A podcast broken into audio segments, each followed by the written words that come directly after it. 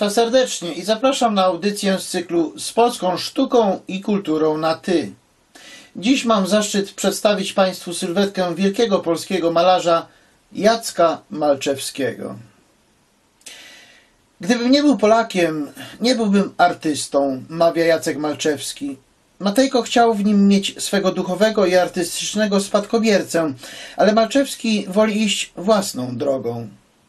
Nie zapomina jednak nigdy o wskazówkach mistrza Jana, który powtarzał malujcie tak, żeby Polska z martwych wstała. Jacek Malczewski przychodzi na świat 15 lipca 1854 roku w Radomiu, w starej, ale zubożałej rodzinie ziemiańskiej. Ojciec pełni funkcję sekretarza Towarzystwa Kredytowego Ziemskiego. Romantyczne dzieciństwo. Do 13 roku życia Jacek wychowuje się pod okiem rodziców Juliana oraz Marii Skorwin-Szymanowskich. W domu Malczewskich Dante i Szekspir są częstą lekturą. Przede wszystkim jednak panuje prawdziwy kult poezji romantycznej. Ojciec aż do swej śmierci pozostanie dla syna autorytetem i powiernikiem. Gdy wybucha powstanie styczniowe, dziewięcioletni chłopiec śledzi wydarzenia i głęboko przeżywa powstańczą klęskę. W 1867 roku rodzice wysyłają Jacka do majątku wuja Feliksa Karczewskiego w Wielgiem. Tam, wraz z kuzynami i bratem ciotecznym, Malczewski przygotowuje się do gimnazjum, odpowiednik dzisiejszego liceum. Jego nauczycielem jest przyrodnik i pisarz Adolf Dygasiński. W Wielgiem chłopiec poznaje życie wsi, odwieczny rytm pór roku, folklor, obyczaje i tradycje, a przede wszystkim przyrodę, powietrze i światło, którym pozostanie wierny w swych obrazach. Tu właśnie po raz pierwszy ujawnia się jego rysunkowy talent. Powstają nieśmiałe próby studiów z natury i kopie z rycin Gustawa Dove. Po latach dojrzały już malarz przyzna, że jego osobowość ukształtowała się w czasie pobytu w Wielgiem. W 1871 roku 17-letni Jacek Malczewski kontynuuje naukę w Krakowie, gdzie zaborca pozostawia szkołom nieco więcej swobody. Młody człowiek zostaje zatem uczniem prestiżowego gimnazjum świętego Jacka, a opiekę ogólną sprawuje nad nim w dalszym ciągu Adolf Dygasiński, który zapisuje swego podopiecznego na lekcje rysunku prowadzone przez Leona Picarda. Jesienią 1872 roku podjęta zostaje ważna decyzja. Będąc wciąż gimnazjalistą, Malczewski zaczyna uczęszczać jako wolny słuchacz do Szkoły Sztuk Pięknych. Trafia tu pod opiekę Władysława Łuszczkiewicza, który zauważa zdolnego ucznia. Jan Matejko stwierdza niepośredni talent malarski. I osobiście zwraca się do Juliana Malczewskiego, aby ten pozwolił synowi opuścić gimnazjum i poświęcić się wyłącznie studiom w szkole artystycznej. Konflikt z Matejką.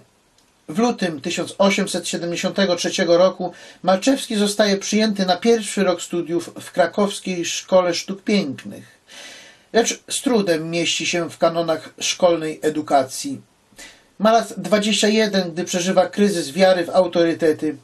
Kwestionuje wartość szkoły i nauczanie Matejki. Zaniedbuje zajęcia i coraz poważniej myśli o wyjeździe za granicę. Przeżywa też pierwszą młodzieńczą miłość. W czasie letnich wakacji spędzonych w rodzinnych stronach zakochuje się ze wzajemnością w kuzynce Wandzie Karczewskiej. Nie będzie jednak idylli. Ojciec Wandy nawet słyszeć nie chce o podobnym związku. To trudny okres w życiu szukającego samodzielności, początkującego artysty. Jego niechętny stosunek do szkoły i plany wyjazdu wzbudzają niepokój Matejki. Mistrz uważa, że za granicę winni jeździć malarze już uformowani. Pisze zatem znów do Juliana Malczewskiego i prosi, by ten odwiódł syna od zamiaru studiów zagranicznych. W synu pańskim da Bóg doczekać, doczekamy się kontynuatora własnego imienia. Raz jeszcze głos Matejki przeważa. Od jesieni 1875 roku Malczewski studiuje w jego pracowni. Tymczasem zażegnany konflikt wybucha z nową siłą wiosną 1876 roku, kiedy Matejko zabrania Malczewskiemu przyjąć zlecenia na dwa obrazy religijne. Jacek ma dość krakowskiej szkoły. Chcę inaczej malować jak Matejko, jak wszyscy malarze świata. Chcę malować świat żyjący, rzeczywistość, prawdę. Wobec takiej determinacji Matejko i ojciec ulegają. W październiku młody artysta jest już w Paryżu, gdzie wstępuje do École de Beaux-Arts i podejmuje naukę w pracowni Ernesta Lechmana. Malczewski zwiedza muzea i galerie, poznaje nowoczesne malarstwo. Chociaż marzył o Paryżu, teraz tęskni za krajem. Paryskie noce spędza na przywoływaniu w pamięć, z pamięci obrazów z Polski, rozmyśla nad losem polskich emigrantów, wczytuje się w Słowackiego. Powstają wtedy pierwsze rysunkowe koncepcje jego najsłynniejszych wczesnych obrazów Śmierć Elenai i Niedziela w kopalni. Jesienią 1877 roku Malczewski wraca do pracowni Matejki. Ojciec Wandy Karczewskiej brutalnie zrywa jej potajemne zaręczyny z Jackiem. Artysta i podróżnik w wieku 25 lat Malczewski rezygnuje z nauczycieli i zaczyna samodzielną karierę. Wiele czasu poświęca na podróże. W 1880 roku wraz z Marcelim Czartoryskim zwiedza północne Włochy, jedzie do Lwowa, a lato 1883 roku spędza w Chorodyszczach na Podolu. W 1884 roku przebywa w Rozdole u Karola Landskorońskiego. Jesienią bierze udział w zorganizowanej przezeń wyprawie archeologicznej do Azji Mniejszej. Z Landskorońskim połączy go wieloletnia przyjaźń, która zaowocuje częstymi odwiedzinami w Rozdole, wspólną wyprawą do Włoch, a nawet dyskretną pomocą finansową. Przyjaźń ta będzie Malczewskiemu wielką pomocą w dramatycznych chwilach po śmierci ojca w styczniu 1884 roku. Od tej pory w jego obrazach pojawia się i stale powraca motyw śmierci. Malczewski potrafi jednak być zachłannym miłośnikiem życia. Szuka nowych inspiracji i podniet, wciąż się uczy. W 1885 roku wyjeżdża do Monachium, drugiego obok Paryża ośrodka studiów polskich malarzy. Trafia do polskiej kolonii skupionej wokół Józefa Branta i Alfreda Wierusz-Kowalskiego. Po sześciu miesiącach pobytu w Monachium technika Malczewskiego ewoluuje. Kompozycja obrazów staje się bardziej wypracowana, a paleta rozszerza się o kolory bardziej wyrafinowane. W listopadzie 1886 roku Malczewski zaręcza się z córką krakowskiego aptekarza Marią Gralewską. W niespełna rok później są już małżeństwem i zamieszkują w kamienicy Gralewskich przy ulicy Szczepańskiej w Krakowie. W 1888 roku malarz zostaje ojcem. Na świat przychodzi córka Julia. Cztery lata później rodzi się syn Rafał, przyszły malarz. Jacek Symbolewski Wkrótce przychodzi uznanie. Malczewski jest w sile wieku, otrzymuje kilka ważnych nagród w kraju i za granicą. W roku 1892 pojednał się z Matejką, który odwiedził go w pracowni przy ulicy Łobzowskiej. Dalsza kariera stoi przed nim otworem. W latach 1894-1897 dochodzi do zasadniczej przemiany w twórczości artysty. Porzuca dotychczasową, realistyczną manierę i zaczyna tworzyć obrazy symbolistyczne. Angażuje się także po raz pierwszy w działalność dydaktyczną. Wykłada na kursach imienia Baranieckiego, gdzie malarstwa mogą uczyć się kobiety, których nie przyjmowano do szkoły sztuk pięknych. Potem Malczewski uczy także w zreformowanej przez Juliana Fałata Szkole Sztuk Pięknych. Postrzegany jest jako artysta na wskroś nowoczesny. Nic, dziw, nic dziwnego, że w 1897 roku zostaje jednym z członków założycieli krakowskiej secesji, czyli Towarzystwa Artystów Polskich Sztuka, Mimo swej niechęci do środowiska młodej Polski, bywa także w jej salonach i kawiarniach. Jest osobą znaną i popularną. W kabarecie Zielony Balonik pojawia się kukiełka Jacek Symbolewski. Od 1899 roku Malczewski rezyduje już na Zwierzyńcu w willi pod Matką Boską. Te podkrakowskie wówczas okolice coraz częściej zaczynają pojawiać się na jego płótnach. W 1898 roku głęboko przeżywa śmierć matki. Indywidualizm i bezkompromisowość Malczewskiego dają o sobie znać ponownie w roku 1900, kiedy na skutek konfliktu z Fałatem opuszcza stanowisko profesora Akademii Sztuk Pięknych. Kolejne nagrody i wielkie, wielka retrospektywna wystawa w Lwowie w 1903 roku stają się świadectwem jego pozycji w świecie sztuki. Następuje najbardziej płodny i dojrzały okres jego twórczości. Ale Malczewski jakby nie cenił sobie stabilizacji. Mniej więcej w tym czasie jego życie osobiste komplikuje się. Sprawczynią zamieszania jest piękna Maria Balowa, żona starosty Adama Bala. Pani Balowa gra w życiu Malczewskiego rolę femme fatale, zaś Kraków aż się trzęsie od plotek. Towarzyski skandal osiągnie apogeum, gdy w 1906 roku malarz ze swą nową muzą udaje się do Włoch. Uroda Marii Balowej opanowuje wyobraźnię Malczewskiego. Wielokrotnie ją portretuje i nadaje jej rysy postaciom Chimer oraz Polonii. Artysta wzbudza też kontrowersje w świecie artystycznym. W 1908 roku bierze udział w wystawie Grupy Zero, która protestuje przeciw zamianie towarzystwa Sztuka w ekskluzywny klub towarzyski. W 1910 roku korzysta z możliwości powrotu na Akademię Sztuk Pięknych po ustąpieniu z niej Fałata i wyborze na rektora Teodora Aksentowicza. W 1912 roku sam obejmuje funkcję rektora Akademii, którą pełnił będzie do wybuchu I wojny światowej. Do historii przechodzi jego sprzeciw wobec obowiązku noszenia austriackiego munduru reprezentacyjnego, który jest dla nie mundurem zaborcy. W sferze artystycznej współpracuje jednak z Wiedniem. Wśród znaczących osiągnięć tego czasu należy wspomnieć indywidualną wystawę w pawilonie wiedeńskiej secesji w 1911 roku. Koniec wizji. Początek I wojny światowej spędza Malczewski w Wiedniu. W 1916 roku wraca do Krakowa i zamieszkuje przy ulicy Krupniczej 8. Podejmuje pracę na akademii, maluje obrazy inspirowane wydarzeniami wojennymi. Kiedy kończy się wojna, 64-letni artysta znajduje się w zupełnie nowej rzeczywistości. Z jednej strony jest niekwestionowaną sławą, a z drugiej zdaje sobie sprawę, że jego malarskie wizje należą do przeszłości. Już w latach wojny Malczewski rozpoczyna obrachunki z własnym życiem. Powstaje wtedy wzruszający cykl obrazów Moje życie. Coraz częściej maluje autoportrety i w jego dziełach pojawia się motyw rozstania z własną twórczością. W 1921 roku Malczewski ustępuje z funkcji profesora Krakowskiej Akademii Sztuk Pięknych. W 1923 roku maluje tryptyk Mój pogrzeb. Są to także lata oficjalnego uznania. Otrzymuje order Polonia Restituta czwartej klasy. W 1924 roku oficjalnie świętowany jest jubileusz 70. urodzin i 50-lecia pracy twórczej Malczewskiego. Wystawy jubileuszowe odbywają się w Krakowie, Poznaniu, Warszawie i Lwowie.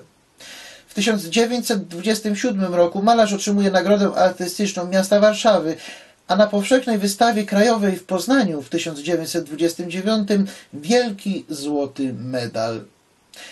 Malarz powoli traci wzrok, musi przestać malować. Ale najgorzej jest, gdy kończą się widzenia, wyznaje, tuż przed śmiercią. Umiera 8 października 1929 roku.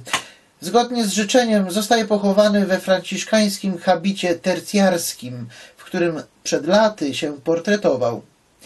Jego prochy złożono w krypcie zasłużonych w krakowskim kościele na skałce. Jednym z najbardziej znanych dzieł Jacka Malczewskiego jest obraz pod tytułem Melancholia. I właśnie to dzieło chciałbym Państwu teraz bliżej przedstawić, omówić jego genezę oraz prawdziwie wizjonerską wymowę. Melancholia to obraz w całości fantastyczny i wizjonerski, a przecież twardy i konkretny w szczegółowym owej wizji wypełnieniu. znaczący w podziale obszarów kolorystycznych, ekspresyjnych, perspektywicznych ujęciach. Swój sens symboliczny współokreśla zestawieniem pulsujących życiem brył geometrycznych i surowych płaszczyzn, wektorami przestrzennych napięć, jak i łączeniem węzłowych miejsc obrazu umownymi, lecz wyrazistymi osiami linearnymi.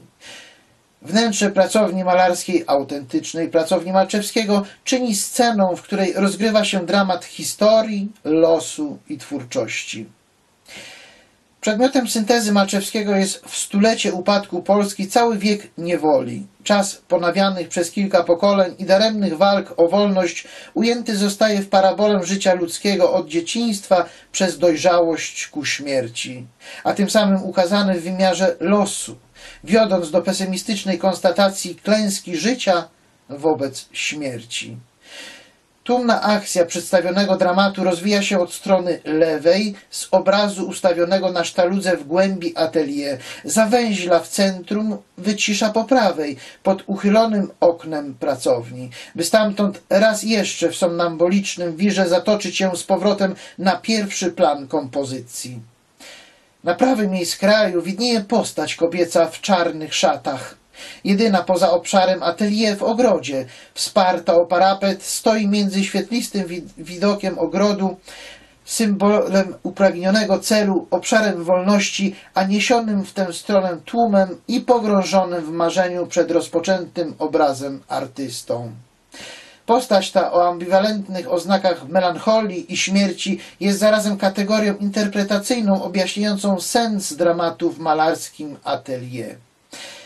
Dwie są bowiem melancholie. Jedna jest z mocy, druga ze słabości. Pierwsza jest skrzydłami ludzi wysokich, druga kamieniem ludzi topiących się, mówi Słowacki w Angellim.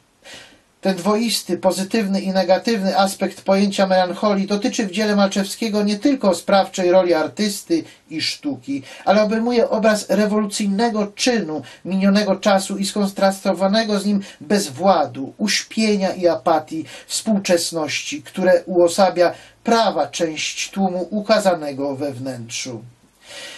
Dzieło Malczewskiego to intelektualna i wyobrażeniowa propozycja odtworzenia ducha rzeczywistych dziejów. Jest zarazem natchnioną subiektywną wizją, której temat stanowi nierozdzielna i zwrotna relacja historii, życia i sztuki. Sens owej symbolicznej wizji dodatkowo objaśnia rozbudowany od autorski tytuł umieszczony na odwrocie płótna. Prolog, widzenie.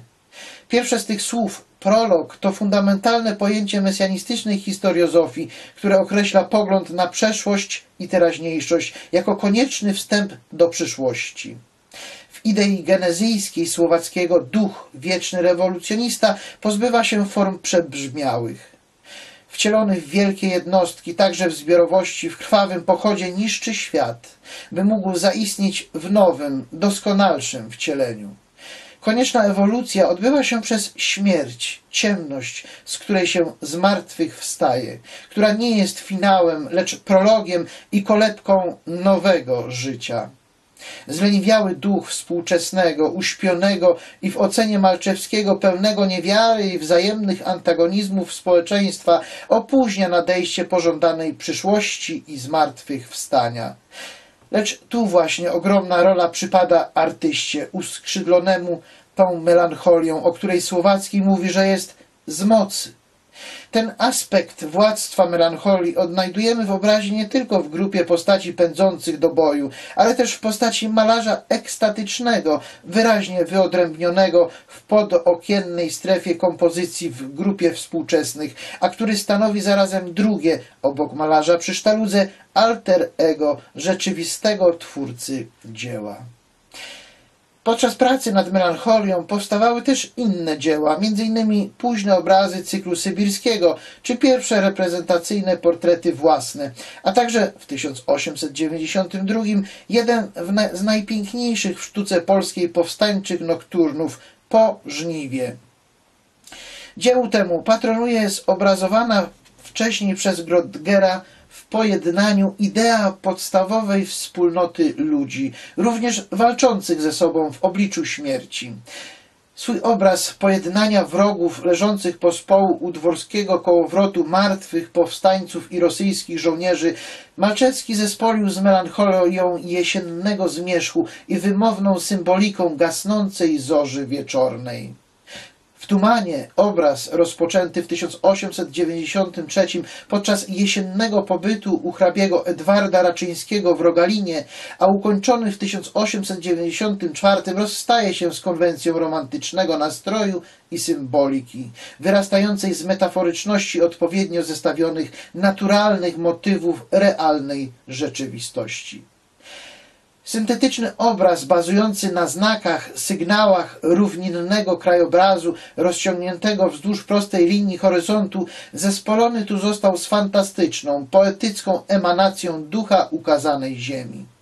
Z pyłu drogi wznoszą się zjawy dzieci w kajdanach, podtrzymujące widmo matki o spętanych rękach.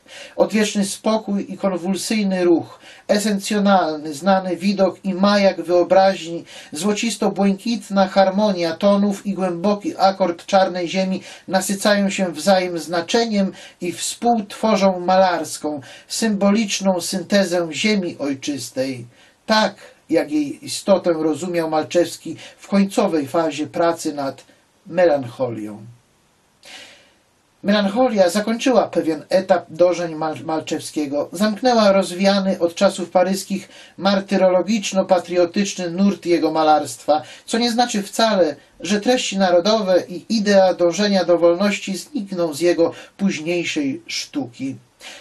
Nadal obecny będzie w niej również słowacki, jednak melancholia stanowi też punkt wyjścia i prolog następnej epoki sztuki Malczewskiego. Epoki dynamicznego wzbogacania wizji świata i tworzenia własnego stylu, współmiernego do intelektualnych i estetycznych aspiracji symbolizmu. Co znamienne, w stylu tym aspekty realistyczne pierwszej fazy sztuki Malczewskiego nie tylko nie zostaną zapomniane, lecz osobliwie spotęgowane. Ta cecha nada jego artystycznym wyobrażeniom wyjątkową siłę, a poetyckiemu światu walor szczególnej prawdy. Elementy neomesjanizmu będą dalej współtworzyć filozoficzną orientację artysty, manifestowaną mniej jawnie, sprzężoną z eksponowanym mocno intuicjonizmem poznawczym, eksploracją podświadomości i właściwym symbolizmowi religijnym stosunkiem do rzeczywistości. Poszukiwanie obrazu artystycznego, który sprostałby poetyckiej wyobraźni, przekonaniu o duchowo-materialnej jedności świata, świata istniejącego, lecz zarazem wciąż od nowa ustanawianego w procesie indywidualnego poznania i przeżywania własnego ja, zwrócił uwagę Malczewskiego, podobnie jak innych symbolistów, na sam problem twórczości artysty i sztuki. Temat ten, który stanie, stanie się dla jednym z najważniejszych, po raz pierwszy pojawił się w latach 1886-1889. Najpierw w trzech malarstwach jako dylemat wyboru idei sztuki, następnie w śnie malarza jako refleksja nad przedmiotem i inspiracją twórczości.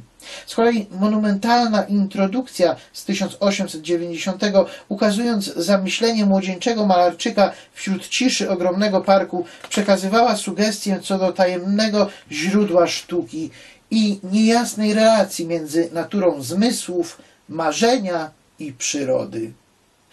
Ten obraz zresztą najbardziej odpowiada sformułowanej przez Miriama Przesmyckiego w 1891 roku na łamach krakowskiego świata definicji symbolu artystycznego, w którym zewnętrzna, widoma część symbolu musi być konkretnym obrazem ze świata zmysłom podległego o jasnym dla wszystkich powszednim znaczeniu, a dopiero za tym obrazem konkretnym muszą się otwierać bezkresne widnokręgi ukrytej, nieskończonej, niezmiennej i niepojętej istoty rzeczy. Najbardziej skomplikowaną i wielostronną refleksję nad niejasną naturą twórczości i osobą twórcy przynosi melancholia bo równie ważna w tym obrazie, co sens historiozoficzny i egzystencjonalny, jest jego problematyka autotematyczna, dotycząca samej sztuki. Zamknięcie przedstawienia w ekspresyjnie wyog- wyogromniałej przestrzeni pracowni, wskazanie, że wszystko, co się tam ziszcza, płynie z rozpoczętego na sztaludze obrazu, to jedna wskazówka, że chodzi nie o dostępną wszystkim rzeczywistość, lecz autonomiczne wobec niej dzieło artystyczne. Druga to nawiązanie w melancholii do innych, znanych dzieł sztuki, do atelier kurbetowskiej alegorii realnej, do goi, zarówno ryciny, gdy usypia rozum, budzą się potwory, jak i do rozstrzelania, do niektórych plansz Polonii i wojny Grotgera. Także sięgnięcie po cytat z Matejki i odwołanie do mesjanicznej idei słowackiego ustawia nowatorski obraz Malczewskiego w dialogu z długą tradycją artystyczną. Rola artysty, jego zadania i moc kreacyjna ujęte zostały w melancholii w nader interesujący sposób. Co wyjątkowe, twórca wizji wypełniającej pracownię ukazany tu został dwukrotnie. Raz jako pogrążony w marzeniu malarz przy sztaludze, sprawca mimowolny ciągu ukazanych zdarzeń i po raz drugi jako jeden z uczestników wizyjnego tańca życia, a zarazem współczesny świadek malarz ekstatyczny u dołu po prawej. A wreszcie budowa kompozycji z osiami perspektywy prowadzonymi od prawego dolnego narożnika, od fragmentu stolika malarskiego, który wchodzi jakby z naszej przestrzeni w głąb wyobrażonej malarskiej przestrzeni wnętrza i łączy obie. Sugeruje też obecność trzecią, właściwego autora całego dzieła, Jacka Malczewskiego czujnego reżysera i zarazem interpretatora misterium, ziszczającego się w jego własnej przecież pracowni, a które opatrzył znakiem melancholii. Kim jest więc w pojęciu Malczewskiego artysta? Człowiekiem jak inni, dokonującym wyboru pod ciśnieniem praw losu i dziejącej się historii? Czy pozbawionym indywidualności medium, przez które prawdziwie istniejący przedmiot święci swe wyzwoliny, jak mówi Nietzsche? Czy też czerpiącym z siły wyobraźni, arbitralnym kreatorem, stwórcą autonomicznych, niewspółmiernych z rzeczywistością światów? Materiały źródłowe zaczerpnięte zostały z zeszytu Jacek Malczewski, Wielcy Malarze, ich życie, inspiracje i dzieło oraz książki Agnieszki Ławniczakowej pod, pod tym samym tytułem z serii Ludzie, Czasy, Dzieła. A teraz pozostawiam już Państwa z przygotowaną przeze mnie galerią wyśmienitych dzieł sztuki autorstwa Jacka Malczewskiego.